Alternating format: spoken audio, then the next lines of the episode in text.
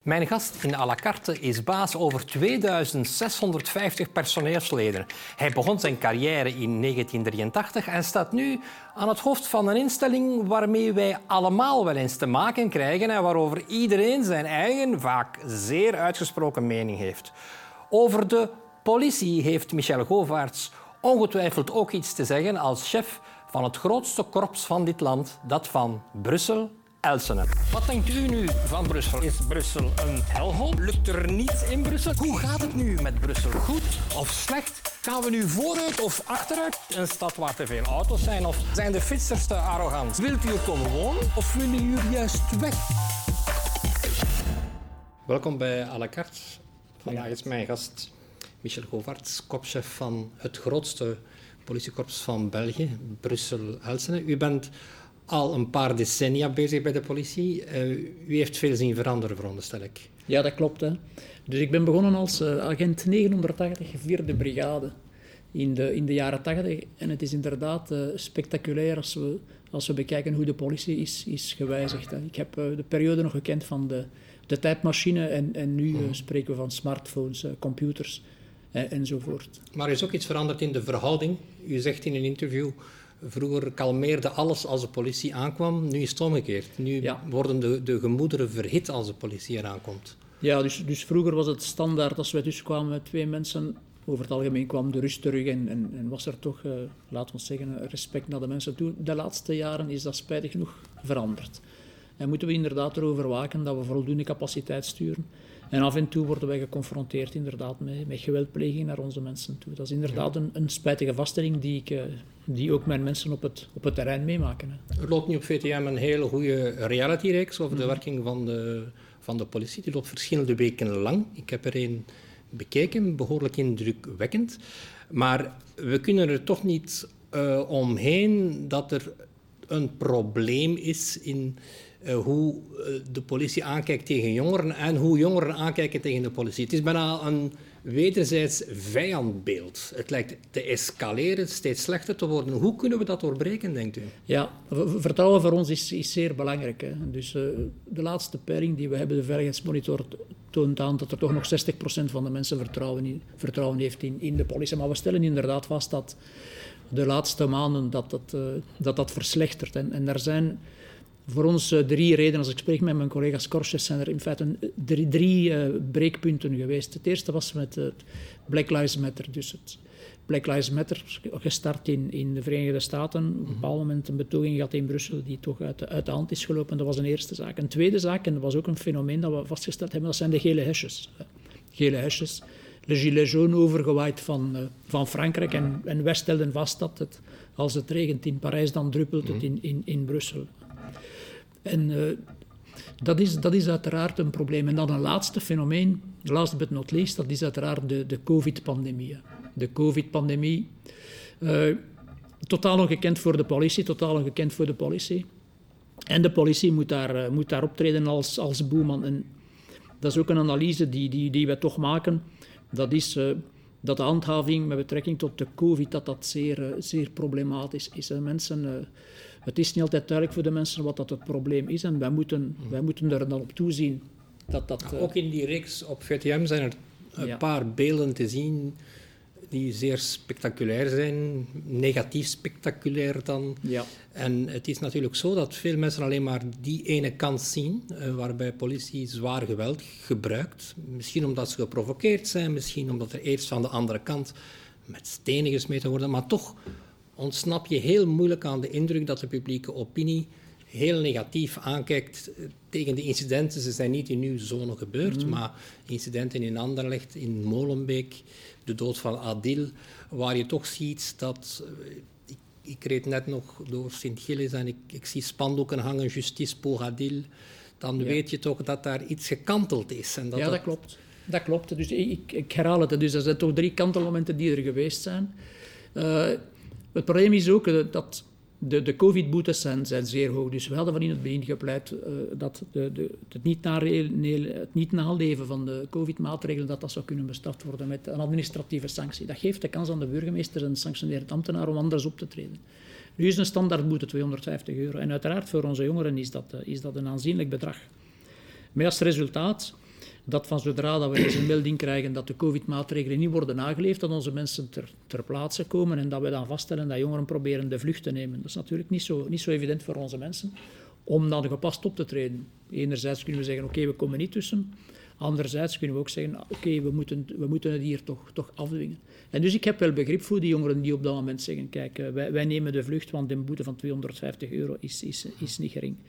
Is dat wat er bijvoorbeeld gebeurd is met Adil, die uh, gevlucht is? En... Ik, ik, ken dus, het is, het, is een, het is een zaak die bij ons niet, niet gebeurd is. Ik, ik meen te weten dat het parket heeft beslist van de zaak niet te vervolgen. En volgens uh, de berichtgeving die ik heb gekregen is inderdaad Adil iemand die de vlucht heeft willen nemen op een bepaald moment. En heeft, hebben de patrouilleurs de achtervolging ingezet en is, is dat voertuig dan... Maar zegt dat niet iets over de moeilijke verhouding? Ook misschien het toch een beetje verkeerd inschatten van een situatie?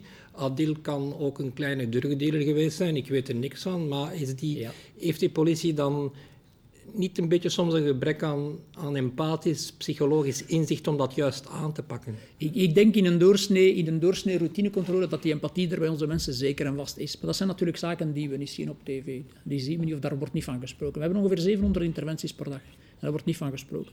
En ik denk dat onze mensen een blijk geven van zeer veel empathie en zeer veel begrip. Ze zijn ook allemaal jong geweest. En ze kennen ook de situatie, de moeilijke situatie van onze jongeren. Wanneer, wanneer begint het probleem natuurlijk? Als enerzijds als de jongeren proberen de vlucht te nemen, ja, dan zitten we met een probleem.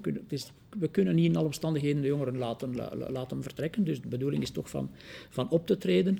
En ten tweede, dat is ook dat het momenteel problematisch is om mensen te identificeren. Uh, veel jongeren, veel mensen, uh, we gaan ervan uit dat de politie niet, niet zomaar op, op elk moment een identiteitskaart gaan vragen. Hetgeen nogthans zo voorzien is in de wet. Mhm. En dan is het niet evident voor onze mensen.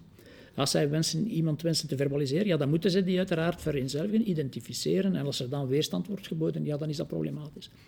Maar dus ik zeg het, we hebben 700 interventies per dag. Mhm. De zaken die goed gebeuren, daar wordt niet van gesproken. Het zijn enkele geïsoleerde gevallen die altijd, uh, die altijd naar boven komen. Maar als er nu zulke dramatische dingen gebeuren, mhm. zoals uh, de dood van Adil of de dood van wat er in Sint-Joost gebeurd is bijvoorbeeld. Wordt daar dan over gesproken Absoluut. onder korpschefs? Absoluut. Dat, onder korpschefs zeker en vast, maar ook onder de mensen. Dat is, eh, je, mocht ook niet, je mocht ook niet onderschatten wat een impact dat, dat heeft op onze mensen. Dat is nooit leuk. Dat is nooit leuk om zo'n gevallen tegen te komen. En als die incidenten bij ons gebeuren, ik ontvang die mensen persoonlijk bij ons. En die mensen zijn daarvan aangeslagen. En dat is niemand dat dat wil. Dat is niemand dat dat wil. En ik kan enkel de raad geven als er een controle is van de politie. En wij proberen daar correct mee om te gaan. Doe dan hetgeen dat de politie wordt gevraagd. Als uw identiteitskaart wordt gevraagd, geef die dan. Nee, is het niet zo dat, dat jongeren klagen daar vaak uh, over dat ze soms 10, 20 keer een identiteitskaart moeten, dat er toch een soort etnische controle is, zoals het dan genoemd wordt? ik ben, zelf, ik ben zelf criminoloog van opleiding. Ik heb mijn diploma gehaald in de jaren 80, dat werd toen al gezegd. Hè. Dat, was, dat waren toen de artikels in Humo. Dat wordt nu nog altijd gezegd, het fameuze hè. etnisch profileren. Hè. Wij momenteel bij de politie Brussel, op aanzet van Antwerpen, Gent en de collega's van Brussel-Noord, gaan naar professioneel profileren. Dus dat wil zeggen, we moeten objectieve omstandigheden hebben om iemand te identificeren. En niet enkel omwille van geloof, huidskleur enzovoort. Dus dat zijn opleidingen die worden momenteel uitgerold binnen de zone. Wat dat daar ook aan is, dat is dat we proberen aan de mensen uit te zeggen de reden waarom iemand gecontroleerd werd. Dat is niet in alle omstandigheden mogelijk. Soms zijn er ook personele redenen dat ons verbieden van het te zeggen. Maar ik denk als we, als we nog meer de klemtoon leggen op dat professioneel profileren, dat we veel misverstanden kunnen uit de Maar wat zeg je tegen die jongeren die klagen dat ze, dat ze twintig keer per dag worden gecontroleerd? Dat klopt waarschijnlijk niet, maar het is wel een indruk die bij hen bestaat. Dat ze echt uh, het slachtoffer zijn van een soort intimidatie, toch? Wat, wat zegt u tegen die jongeren? Om te beginnen moeten we ook bekijken of dat inderdaad zo is. Ik heb toch een aantal gevallen gehad waarin werd steen en been geklaagd over uh, verschillende controles door onze politiediensten. En als we achteraf het gaan bekijken, dan blijkt dat toch niet altijd het geval te zijn. Ten tweede, worden onze mensen dikwijls gestuurd op basis van klachten van de buurt. Het is voor ons als politie moeilijk om daar dan geen gevolg aan te geven. Wij proberen dat te vermijden, wij proberen te onderhandelen met de jongeren, wij proberen samen met staathoekwerkers ervoor te zorgen dat die overlast verdwijnt, waardoor dat in feite niet meer nodig is dat de mensen naar ons bellen. Maar het gros, van onze, het gros van onze interventies is op basis van telefoontjes en klachten die we krijgen van de buurtbewoners. Nu, Wij werken daar hard aan. Wij zeggen, kijk, een controle kan professioneel gebeuren, mag niet omwille van ras of huidskleur. We moeten ervoor zorgen dat, we ook, dat die verstandhouding goed blijft. dat is ook de reden waarom dat we... Daarom dat u in het nieuw... U, mhm. heeft een nieuw budget ja. met een verhoging van meer dan 10%, wat toch wel behoorlijk is. En dat geld gaat dan naar twee, twee belangrijke zaken. Het systematisch gebruik van bodycams, maar ook in vormingen om de politie beter te laten omgaan met het publiek, zo, staat in de, in de beleidsverklaring. Dat klopt. Dat is toch wel een belangrijk teken dat er misschien toch wel iets kan verbeterd worden. Dus het belangrijkste is die vorming. Dat is inderdaad zo. Uh, vorming kan altijd beter. Niet vergeten, we hebben niet enkel Brusselaars die werken bij de politie, we hebben mensen van Vlaanderen, we hebben mensen van Wallonië. En dus uiteraard zijn opgeleid in politiescholen en wij moeten extra investeren om specifiek te kunnen werken binnen die Brusselse context. We kunnen die mensen van Vlaanderen en Wallonië niet verwijten, hè, die zich engageren om in Brussel te komen werken. We kunnen die mensen niet, niet verwijten dat zij de, de, precieze context van Brussel niet, niet kennen, maar wij helpen die mensen daarin. Wij zorgen dat we opleidingen geven. Wij zorgen dat ze weten dat, eh, dat, dat Brussel dat het, een enorme, een enorme diversiteit. Dus voor ons is dat, zeer, is dat zeer belangrijk. De budgetten met betrekking tot vorming gaan omhoog. Ook die empathie, ook die tweetaligheid, die, die, die moet verbeteren. Want er zijn veel misverstanden met betrekking tot de tweetaligheid. Het fameuze, het fameuze tutoyeren hè, wordt absoluut niet geapprecieerd door, door Franstaligen. Dus dat is toch iets eh, waar, eh, waar wij specifiek op inzetten. En inderdaad, die budgetten die zijn, die zijn omhoog gegaan. Wij zetten ook enorm veel in op uh, intrafamiliaal geweld, bijvoorbeeld. Wij zetten ook uh, enorm in op mensen slachtoffer van een, een, seksuele aanranding. Dus dat is één luik. Anderzijds hebben wij nu ook inderdaad die bodycams. Dus wij gaan Bestaat daar weerstand tegen bij de, bij de agenten? Initieel wel, ja. Initieel wel, maar dat was eerder een probleem van gebrek aan vertrouwen. Dus als ik, uh, als ik een, een, onderhoud had met de, de, syndicale vakorganisaties, dan vonden zij dat dat eerder een blijk was van wantrouwen naar de mensen toe. Mm Ik heb hun daar ondertussen kunnen van overtuigen, om de simpele reden dat elke interventie wordt nu gefilmd. Systematisch. Elke interventie met omstaanders heb je... Maar wie beslist er dat er gefilmd wordt? Van, vanaf welk moment wordt er gefilmd? Ja, dus het is zo dat... Wat dat dus even mijn zin afmaken. Eerst en vooral, we hebben vastgesteld dat elke interventie van de politie wordt nu systematisch gefilmd door omstaanders. Dat is een gegeven. En onze mensen zijn weerloos. Dat wordt dan op de sociale media weergegeven, dat worden stukken geknipt, dat wordt dan... Hè, het gehele, het gehele, de gehele scène wordt, uh, wordt niet, niet weergegeven. En we hebben gezegd aan onze mensen, omdat wij geloven in het desescalerende effect van die bodycam, dat blijkt ook uit het, ook uit het buitenland, als onze mensen moeten zich ook kunnen op een of andere manier beschermen. En dus wij geven aan onze mensen de mogelijkheid om inderdaad die interventie, interventie te kunnen filmen. Omdat we ervan overtuigd zijn dat er een desescalerend effect is. Een desescalerend effect voor de beide partijen. Zowel voor de burgers aan wie wij hmm. zeggen, kijk, het spijt me, dit loopt de spuigaten uit. Vanaf nu zal ik inderdaad registreren. En ook onze mensen ben ik ervan overtuigd dat het, dat het uh, des desescalerend effect zal hebben. En bovendien wordt het filmmateriaal wordt dan opgeslagen en wordt ter beschikking gehouden van de procureur des Konings.